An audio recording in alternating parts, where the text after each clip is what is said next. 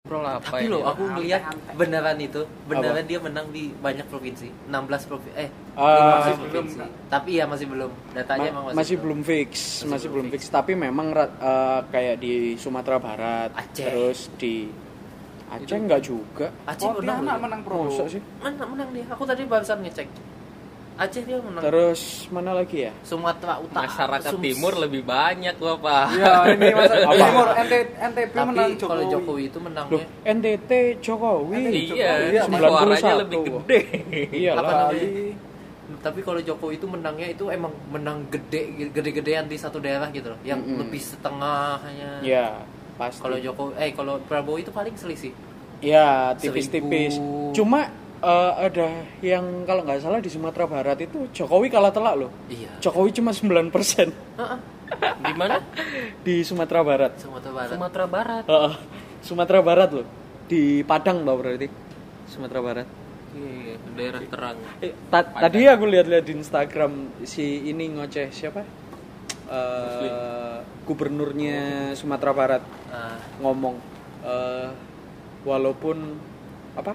Walaupun Anda Anda kalah di daerah kami, tapi jangan dianaktirikan dong daerah kami. Ngomong gitu. Padahal kemarin lima tahun yang lalu Jokowi kalah juga di Sumatera Barat, tapi juga tetap dibangun-bangun aja. Kenapa ngomongnya kayak gitu kan? Berarti, berarti dia emang berpihak. ya Se gubernur kami juga berpihak kok. Walaupun dia dari partai Demokrat, eh Demokrat ya Demokrat. sekarang Bukan, siapa sih? ngangkat. Palangka siapa sih? Palangka itu eh, Penarang kan? Kalimantan bukan Kalimantan Tengah. Kalimantan Tengah itu Siapa? Pak Bukan keluarga Narang gitu. bukan kalah dia, Udah kalah ya? kalah dia. Ya dagu aja kita itu. Iya, Pak Narang. itu wali kota. Oh, wali kota ya? Aduh, kok aku bisa, bisa eh, Sugiarto yang mantannya sekarang. Usi Yang sekarang. itu gubernur Yang sekarang. mantannya Usi N kon apa? Flores. Kenapa? Flores itu NTT apa NTB? NTT NTT lah. Oh iya sih. Bapak- Anda santai Anda. Eh, Bapak kuliah, kuliah ambil apa, Pak? sistem poli saya bukan geografi. saya bukan geografi. Bapak SMP, SMA ada apa? Saya bukan geografi. Anda kita berusaha setengah mati belajar Pulau Jawa itu dari ujung ke ujung kita tahu kotanya, Pak. Pak, usia saya. Usia saya. Kita tahu, Bapak tanya dari Aceh sampai Papua kita tahu kota-kotanya, Pak. Itu NTB, Jawa Barat dan segala macam. Anda di Jawa. So, Anda jangan so. Anda sekarang di saya Jawa. tanya. Bondowoso itu di mana? Anda saya tanya. Jawa Timur. Bondowoso di mana? Anda saya tanya. Bondowoso itu Jawa Tengah nggak Eh, kan nggak yakin semua kan memang Bondowoso. geografinya bobrok semua di sini nggak udah udahlah nggak usah sok-sokan masih bisa jawab jawab ibu kota provinsi Bondowoso di Iya, mana Flores ibu kotanya. Flores Tidak ya, bisa. Flores. Dia ini mau menjebak-jebak Flores kan itu kota ya Flores kan ya Flores Flores itu pulau. ya terus kotanya apa Hmm? Banyak kota ya. iya ibu kotanya apa aduh apa aku pernah dikasih tahu kok tempatnya kok itu ya Hah? kok Bukan lah. Enggak lah. bukan bukan bukan bukan Flores itu nggak ada ibu kotanya. Ya kan Nah, Oh, iya. Kayak Pulau Madura ibu kota Oh, Flores itu bukan kota bukan provinsi Iya, sama kayak itu, sama kayak Madura benar. Madura. kan nggak ada ibu kotanya. Mana ada ibu kota Madura? Jadi Nggak Sumatera ada. apa ya? Ada kota-kotanya memang, tapi nggak ada ibu kotanya. Dibodohin. Anda kurang cermat. Anda termakan hoax. Iya. Buat Anda para- dari kubu mana?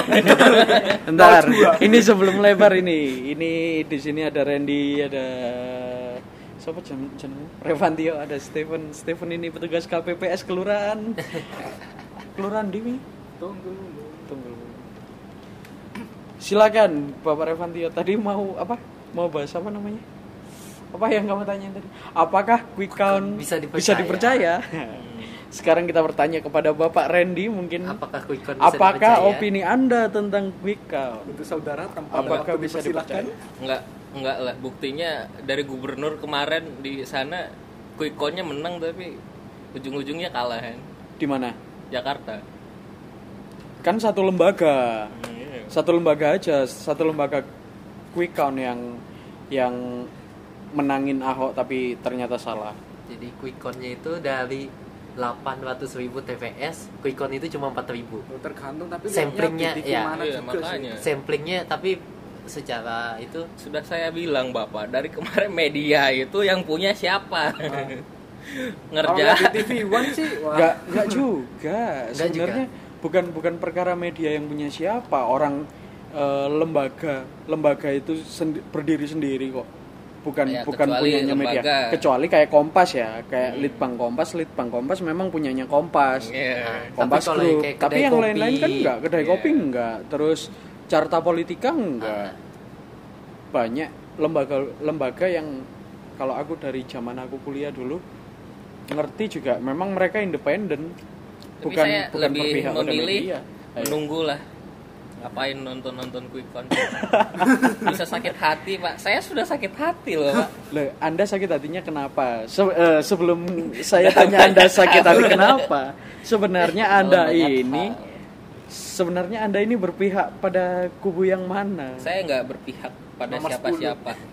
Dari kubu 01, 02 itu kalau pendapat pandangan saya tanpa melihat satu Ya. siapa yang dicalonkan dan dua yang dicalonkan, saya lebih memilih program nomor 02 ketimbang melihat siapa yang diajukan Benar, sama benar. belakang-belakangnya. sama apa juga sebenarnya dari program itu Ah. lebih bagus loh ada beberapa hal yang lebih Oke, bagus so- tetapi secara se- secara- history. Eh, itu nah itu penting. Dukungan dari belakang. Terus Iya. siapa yang dicalonkan? Oke, nah itu. Oke, sekarang eh, karena kan si Randy sama si Revan dia ngomong program, coba sebutin programnya.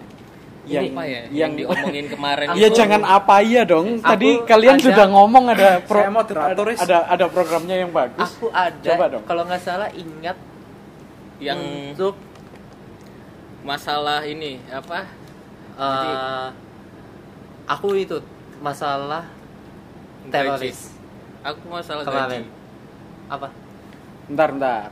Masalah gaji. Masalah gaji. gaji Oke, teroris dulu. tunjangannya nah tapi ada Enggak. juga beberapa hal Yes. yang jelek ya Nah, sebutin dulu aku dong. yang ter- teroris itu ada dulu dong. eh, apakah kita harus memperkuat militer kita Ah. atau kita harus melakukan penyuluhan ke ke pesantren-pesantren. Si sa- 01 itu memilih untuk melakukan penyuluhan ke pesantren-pesantren daripada menambahkan kekuatan pertahanan lah anggapannya. Mm-mm. Menurutku kalau emang sudah itu pertahanan dari luar kan, Mm-mm. pertahanan dari luar itu lebih baik kita melakukan di pertahanan kita daripada melakukan penyuluhan yang sebenarnya itu sudah terkontaminasi secara itu gitu loh. Ya. Oke. Menurutku itu ada ada beberapa hal yang bagus jadi ada hal-hal yang bisa diambil baik gitu. Iya. Iya. Makanya itu aku itu kadang agak agak risih sama beberapa orang yang terlalu kemarin kalau aku denger ini podcastnya si Raditya Dika sama Effendi Ghazali kalau kalian udah denger eh Effendi Ghazali ngomong kita itu jangan eh, menjadikan salah satu capres entah 01 02 jangan dijadikan junjungan. Iya. karena kalau udah jadiin mereka junjungan itu kayak nggak mau tahu sama kebaikan orang lain gitu loh. Jadi iya pak. padahal pasti namanya 0102 ini kan pasti mereka juga eh, menyiapkan hal baik toh. Maksudnya pasti mempromosikan hal baik gitu loh. Lah gimana caranya? Kalau salah satunya buruk terus mereka ada yang milih itu kan aneh kalau ada yang milih kan berarti ada kebaikan di pihaknya dia gitu loh ini mending presiden loh pak kalau caleg anda mau milih seperti apa Kalau caleg saya tidak peduli, saya tidak peduli. Tapi itu Karena penting tidak- loh Ada hal penting loh. Kalau tahu itu di daerah-daerah itu anda Sebentar, Satu, sebentar, sebentar dong. Ayo, ayo ngomong dulu, ngomong dulu. Jadi undang-undang yang muncul itu dari orang-orang itu, Oke, gini. kalau undang-undang yang Kan anda bilang iya. undang-undang karet munculnya dari orang-orang Sebentar. itu Tadi kan saya ngomong nggak peduli kalau kamu dengerin podcastku sebelumnya ini yang yang sebelum yang tadi tadi tadi tadi mau ke kantor aku bikin dari banyak hal dari apa undang-undang mungkin yang yang yang dibikin sama caleg sama sama anggota DPR dan lain-lain yang benar-benar ngefek sama hidupmu berapa persen coba? Dari DPR. pasti nggak besar. Pasti nggak besar. Untuk kita? Iya makanya kan aku ngomong untuk kita pribadi masing-masing Iya. buat buat hidupmu masing-masing lah. Sekarang seumpama gila-gilaan ayo pilih PSI pilih PSI emang PSI membantu skripsimu enggak cuk Anda jangan bawa-bawa skripsi. Iya, loh, bener kan? Mak- maksudnya itu tidak tidak tidak aku ngomong itu tidak terlalu banyak mengefek sama hidupmu gitu loh. Ada sebagian kecil di hidupmu yang terdampak oleh undang-undang yang mereka buat, tapi nggak nggak nggak gara-gara itu terus jadi mati nggak. Nggak kecuali loh, Pak, itu, Pak. kecuali kecuali kalau hidupmu sumpama kayak musisi kemarin. Terus muncul RUU permusikan yang akhirnya ternyata menyudutkan musisi itu sendiri. Yo itu memang berdampak. Bentar Pak, kalau UU ITE itu kecil nggak? itu lumayan Ya sekarang ngaruh nggak sama lu? Lu emang se- sebacot apa sih? eh, Ya, Ayo. karena nggak mau itu ya nggak usah bacot kan Eh, udah. ya, ya udah. Berarti sama kan aja nggak Iya, nggak ngasih Gini loh. kebebasan berbicara gitu. Loh, iya, Aduh, iya. aduh, Saya kuliah ITE. Loh, sekarang kamu ngomong apa kebebasan berbicara. Emang sebebas apa sih kamu mau ngomong gitu loh? hmm? Sebebas apa? Maksudnya kita boleh bertentangan dengan undang-undang. Kita boleh nggak suka sama undang-undang ini, nggak suka sama undang-undang ini. Tapi loh, kamu sekarang teriak-teriak kecuali makanya aku tadi kasih contoh. Kecuali kamu musisi terus bertentangan sama RU RU permusikan kemarin yang dibikin. Ya karena RU itu nyangkut sama hidupnya dia. Kalau ada RU itu diresmikan, di, diwujudin jadi undang-undang, hidupnya musisi itu mati bakal mati. Hmm. Nah, itu aku setuju. Lah tapi kalau kamu sekarang mau teriak-teriak RU RUU ITE eh, hal sekoar-koar apa sih yang mau kamu bikin sehingga kamu akan terdampak oleh RUU ITE? Memang RUU ITE eh, apa? UU ITE itu memang nggak bagus. Tapi seberdampak apa sama kamu? Banyak Pak itu Pak. Berdampaknya apa? Makanya aku tanya sekoar-koar apa sih? Sekarang kalau mau dibikin sempurna semua ya nggak ada yang sempurna. kalau case nya ya aku soalnya aku tahu ini dari ya kan orang tua aku adalah di di- jadi ini dia itu di desa dan di kabupaten Hmm. di de- asal daerahku itu Hmm. tuh pemilihan presi pilpres itu tidak menarik perhatian loh Hmm. tidak semenarik perhatian Hmm. dengan mereka pemilihan caleg Ya. karena mereka itu Efeknya. sangat dekat Mm-mm, dengan efeknya ya. caleg secara pengaruh itu lebih Iya. pengaruhi ke caleg dengan uh, anggota DPRD Iya, dari- dengan masyarakat itu Daripada presiden. ketat banget daripada presiden. Ini Iya. kalau daerah kecil. Mm-mm. Tapi kalau kayak daerah kita yang semisal kota juga kayaknya sudah tidak terpengaruh banyak nih. Kota kota-kota gede kayak Iya, di Jawa nggak tuh Mas? Kalau kota besar masih pengaruh apalagi Malah yang kayak kemarin beberapa kota yang dikunjungin bener-bener dikunjungin sama capres-capres itu kan memang berarti concernnya mereka ada di situ gitu loh kayak Jokowi datang ke Malang, Prabowo kemarin mau datang ke Malang tapi nggak jadi. Nah, itu berarti kan memang ada ada ada Ada concern hal khusus concern, gitu loh di situ. basisnya. Berarti memang di situ ada basisnya. Kecuali memang kota-kota yang atau daerah-daerah yang memang ya Eh, kayaknya nggak nggak nggak ngefek banyak, juga nggak ngefek banyak juga ya. gitu loh ya balik lagi itu tadi kamu bilang kalau di di tempatmu terus orang-orang itu akan lebih concern sama eh, legislatifnya sama DPR-nya atau sama wali kota dan lain-lain bukan sama presidennya ya itu relate banget karena memang kebutuhannya mereka itu sama orang-orang yang dekat bukan presiden nggak ngefek maksudnya nggak ada efek sampai ke sana gitu. pengaruh banyak ya. Nah, iya. Berarti kan yang yang yang yang maksudnya jadi pilihannya mereka itu adalah eh, hal yang memang dekat sama mereka, hal yang memang berpengaruh sama hidup mereka kayak gitu kan. Makanya tadi aku juga ngomong kenapa DPR aku nggak nggak begitu peduli siapa aja karena nggak ngefek juga gitu loh. Ya contohnya lima tahun yang lalu aja 2014 aku udah nyoblos dan nggak ada efeknya apa apa sama hidupku gitu loh. Ya aku jalan ya jual kopi jual kopi.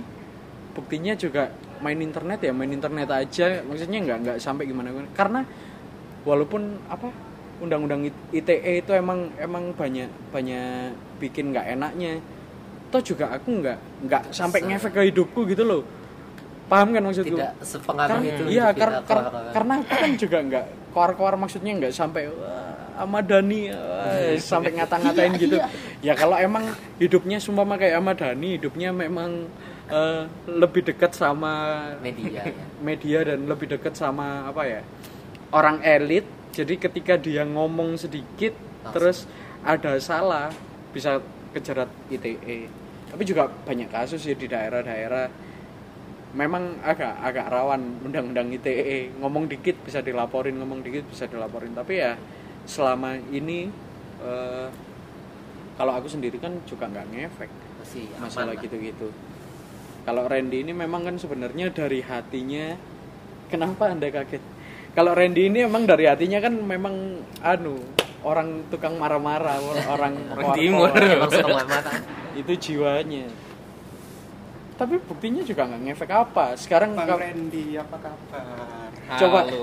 Oh, bukan. coba coba kita kita lihat apa eh, sosial medianya Randy sekoar-koar apa sih sok-sokan katanya Kalem saya. orang timur belain mana katanya mau belain orang timur apaan Emang saya ngapain? lah iya makanya maksudku nggak usah sok teriak-teriak UU ITE apaan lu nggak sengefek Maksudnya- itu Eh, setidaknya gitu. Nah, Emang ada orang yang berkoar-koar contohnya meng- mengkritik sesuatu instansi, mereka itu bisa kena lebih tenang gitu. Iya sekarang gini loh orang kritik instansi itu kan pasti ada ada apa sebab ada tujuannya, ada ada kepentingannya. Nah sekarang makanya aku tadi ngomong paling deket sama sama kehidupannya kita sendiri sendiri masing-masing. Nggak undang-undang pendidikan saat Ah, ini Iya, itu itu itu lebih masuk akal. kali Kalau Kayak itu skripsi. eh, makanya kalau kalau masalah pendidikan itu lebih seksi gitu loh. Maksudnya itu lebih lebih lebih masuk buat buat kita, buat buat kamu yang belum lulus, buat kamu yang belum lulus dan buat saya yang jelas-jelas sudah tidak lulus. Jadi itu maksudnya lebih ngefek. Tapi kan aku juga mikir, habis ini aku punya anak, anakku lahir beberapa tahun lagi anakku sekolah. Kalau undang-undang pendidikannya terus kayak gini, terus apa rancangan dan lain-lainnya tentang pendidikan terus kayak gini ya mikir-mikir ya. Kalau nggak ya, salah ada berarti itu dari mana? Caleg kan. program Lah yang iya, tapi kan kalau aku mikir se- untuk sekarang, aku kan bilang ya sekarang. Lagian ini kan musimnya lim, lima tahunan. Kalau sekarang udahlah biarin dulu lima tahun kepingin tahu juga. Kemarin toh juga aku juga tetap nyoblos, nyoblos apa? Tapi eh, contohnya dalam lima tahun itu undang-undang tentang pendidikan yang ngawur keluar. Berarti Belum. anda harus nunggu lima ta- berapa tahun lagi buat bisa Gini loh. revisi. Iya. Kan Iya. aku tetap nyoblos. Iya. Kemarin aku tetap nyoblos. DPR, DPR, Mm. DPRD, DPR RI, aku tetap nyoblos. Nyoblos juga pilihanku dan aku juga ngerti siapa yang tak pilih. Masalah nanti yang kepilih siapa kan bukan Mm. bukan bebanku, eh bukan salahku. Hmm. Lah iya ya. Maksudnya Yaudah. yang ini kan lebih ditekankan itu masalah untuk penting nggak harus tahu itu eh, yang calonnya itu siapa aja, backgroundnya gimana. Loh, ya jelas penting, tapi sekarang perbandingannya dengan contoh lah sekarang di D- apa DPR kemarin eh, caleg-caleg di DPR ya yang yang ma- yang maju jadi caleg DPR RI DPR DPR RI pusat itu. Dari dari orang-orang yang berkompeten sama dibandingkan para artis-artis yang ikut maju banyakan mana. Orang yang kompeten loh cuma dikit dan kamu pilih yang mana? Aku pilih yang dikit itu. Lo serius? Dan apakah yang dikit itu tahu orang dikit itu lolos? Belum tentu. Makanya makanya itu. Sekarang ya kita nggak nggak nggak maksudnya apa ya? Bukan jadi bebannya kita juga gitu loh. Ya udah. Yang penting kita udah udah berusaha milih yang terbaik. Entah itu jadi atau atau enggak kan ya udah. Mau gimana? Ya berarti kan ke depannya harus toh. iya lo so, bukan ke depannya aja dari belakang kemarin untuk untuk yang kemarin un- dari 2014 untuk yang 2019 ini aja udah mikir banget kok Kalau yang nyalek kampanye mau bikin jembatan atau apa itu gimana, Pak? yang nyalek bikin jembatan di mana anda Di ini timur banyak Oh. lah Pak yang kayak gitu, Pak. Saya kan- kepentingannya kepentingannya Iya. Padahal dia nggak ada kerjanya bikin jembatan, Pak. Sekarang Emang balik lagi itu tadi ya, Emang ya- aja. ya itu tadi balik lagi sama yang dibilang Tio tadi balik lagi sama kepentingannya. Orang-orang paling dekat di situ. Lah kalau memang kalau memang di daerah itu eh, itu mungkin jadi jadi bahasan yang yang penting yang padahal mereka penting tidak bisa melakukannya. menarik. Ya pasti maju lah. Ayo nah sekarang loh. Saya tidak bisa melakukannya tapi saya mau. Yang lebih luas deh Krisdayanti maju jadi caleg gitu loh ayo apa jadi jadi anggota DPR, mau ngapain? Warga negara mana dia? mau diajak menghitung hari orang-orang. Eh? Eh? Mau maksudnya? Ya ya udah sekarang masalahnya kayak nggak ada standarisasi buat jadi caleg gitu loh iya, makanya. itu juga kemarin. Kan sesuatu Iya kan, hal yang penting se- sebenarnya. sekarang indi indikatornya apa sih yang bisa Indikasi jadi jadi mereka caleg. jadi caleg itu apaan sih terkenal, Pak. terkenal.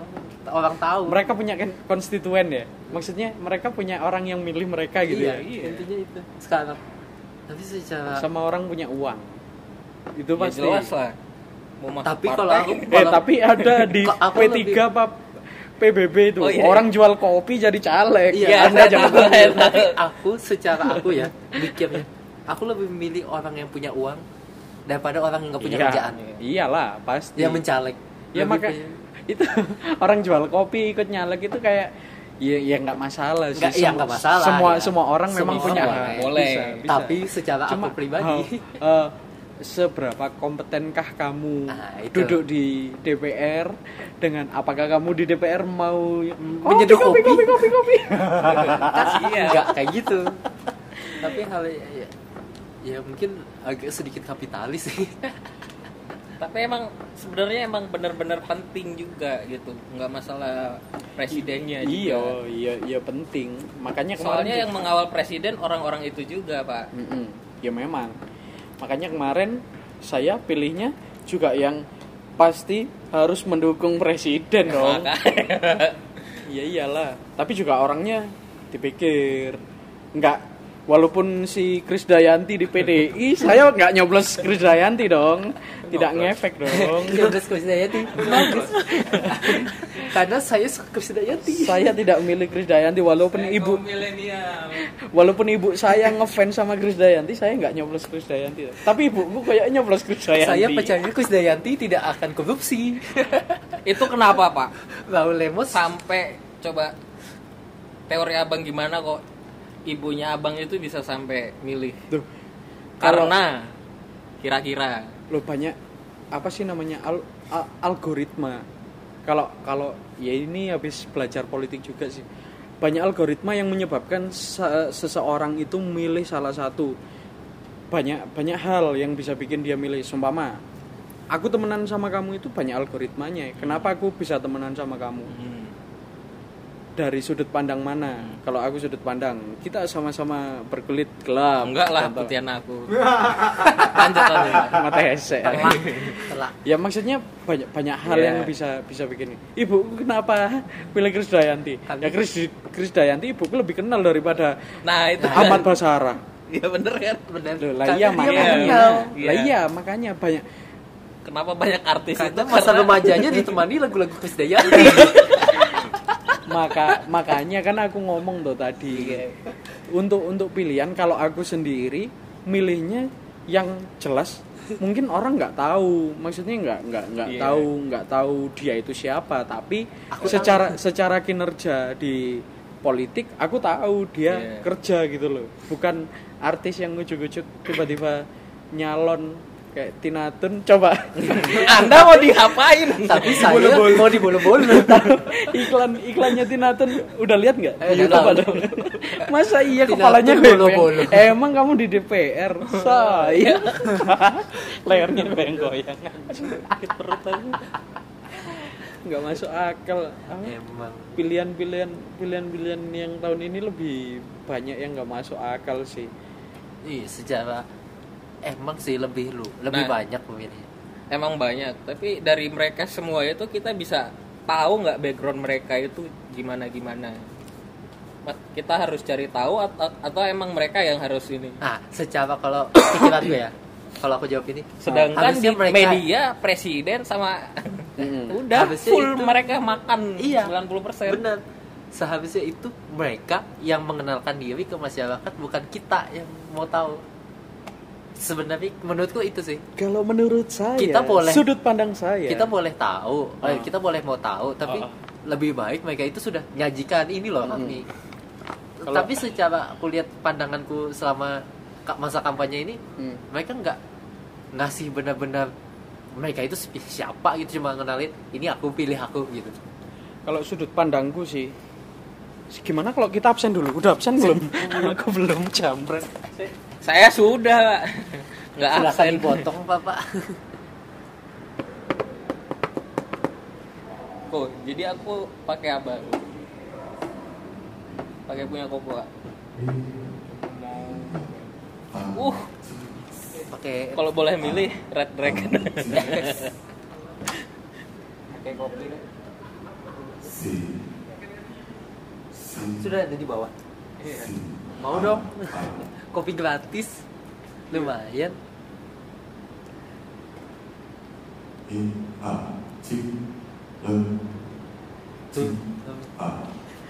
Ngeciwi saya enggak ada sampai lali absen. Telat asem. Telat 2 menit. kopi gratisnya ada ayo kita ambil. Anu, apa? Torabika. sampai di mana Pak? Tadi Pak saya sampai lupa Pak pandangan eh, itu apakah perlu mereka yang Ha. iya. Sudut pandang saya, ambaan jambret. tapi sudah sudah lewat juga sih masa Iya. Tapi kan bisa buat pelajaran ke depan Untuk- lima tahun ke depan tahun. Rizaris. Nang kupingku bosok koplik. Eh, Lek, kalau Anda yang memberikan pertanyaan, menurut opini Anda bagaimana? lah saya akan memberi kenapa saya yang saya harus nih jawab masa saya ngambil Loh, sedangkan oh, banyak iya. orang di sini Iya, tadi kan si Revantio saya udah, memberi Revantio kan udah ngomong. Kamu coba lah opinimu apa? abang dulu Saya karena tambah saya nih. yang memberi Ini pertanyaan gara-gara lemak ini. Ayo ngomong. saya lupa tadi apa tadi apakah, perlu penting eh penting eh, siapa siapakah yang lebih perlu untuk mencari ngasih tahu, tahu? atau aku caleg atau masyarakatnya yang cari tahu Oh, iya, siapa iya. calegnya. Sederhananya logika sederhananya. Ini Kita nih- logika dari timur. pemilik suara ya kan? Ah. berarti anggaplah kita tuh kayak cewek gitu. Hmm. kan kalau mau dapat cewek tuh kita harus rayu tuh. Waduh. Terus? Ya gimana cara cara rayunya gitu hmm. ya kan supaya kita ini bisa dapet oh ini tertarik nih sama yang ini gitu. Tapi medianya mereka itu kita nggak tahu. Iya secara media itu mereka nggak ada medianya untuk menyampaikan siapa menyampaikan mereka, gitu. siapa mereka itu kita nggak tahu.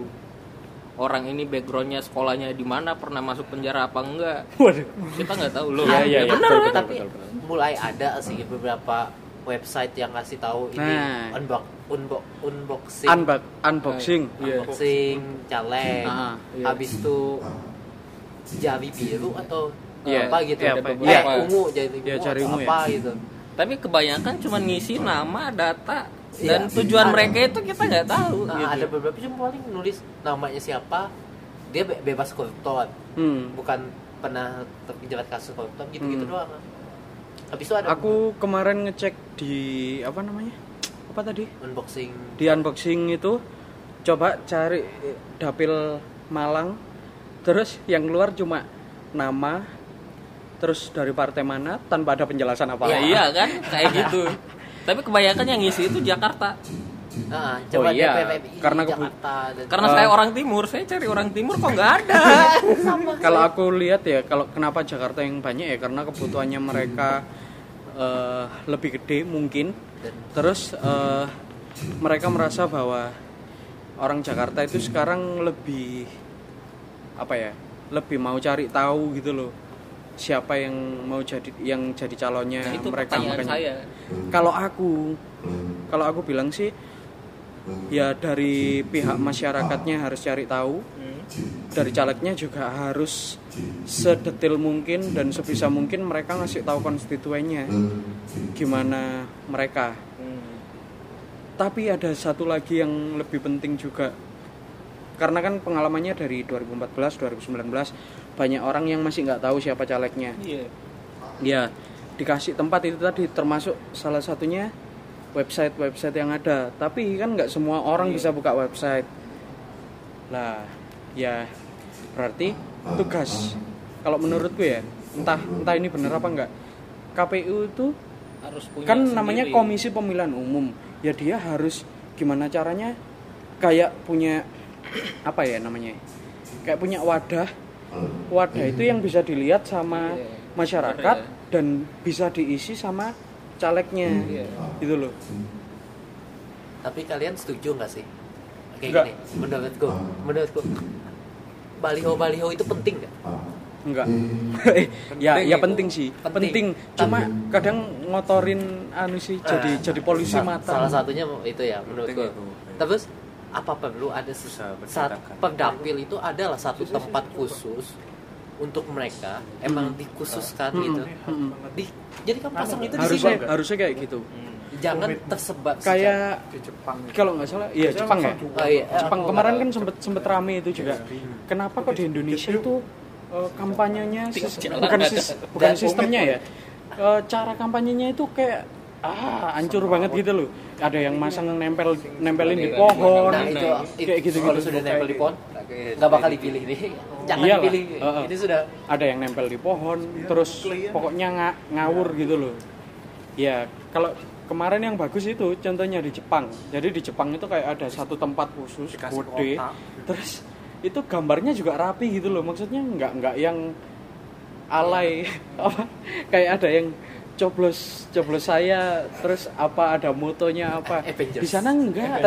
Power Ranger. Power bisa kalau kalau di Jepang itu kalau nggak salah cuma dia ngasih fotonya dia namanya siapa dari partai apa Visi misi. terus visi misinya apa itu cuma tulisan gitu loh visi misinya apa terus eh, latar belakangnya dia itu apa juga ada di situ jadi orang itu sudah sudah ngerti oke ini semua Randy lulusan oh belum lulus ITN Anda. Enggak, cari maksud- masalah.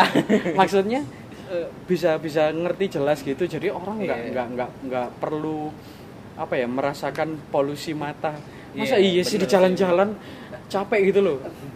Kemarin apa di hari tenang sangat bersyukur sekali udah mulai bersih. Hmm, Tapi ada beberapa caleg Ya. yang tidak melepas ya. Apakah itu ada hal itu kayaknya harus ada aturan. Nggak tahu sih ada aturannya apa ada enggak ada atu- harusnya ada aturannya. Cuma aku kasihan loh itu satpol pp terus koyoknya anak dendone sih kudune.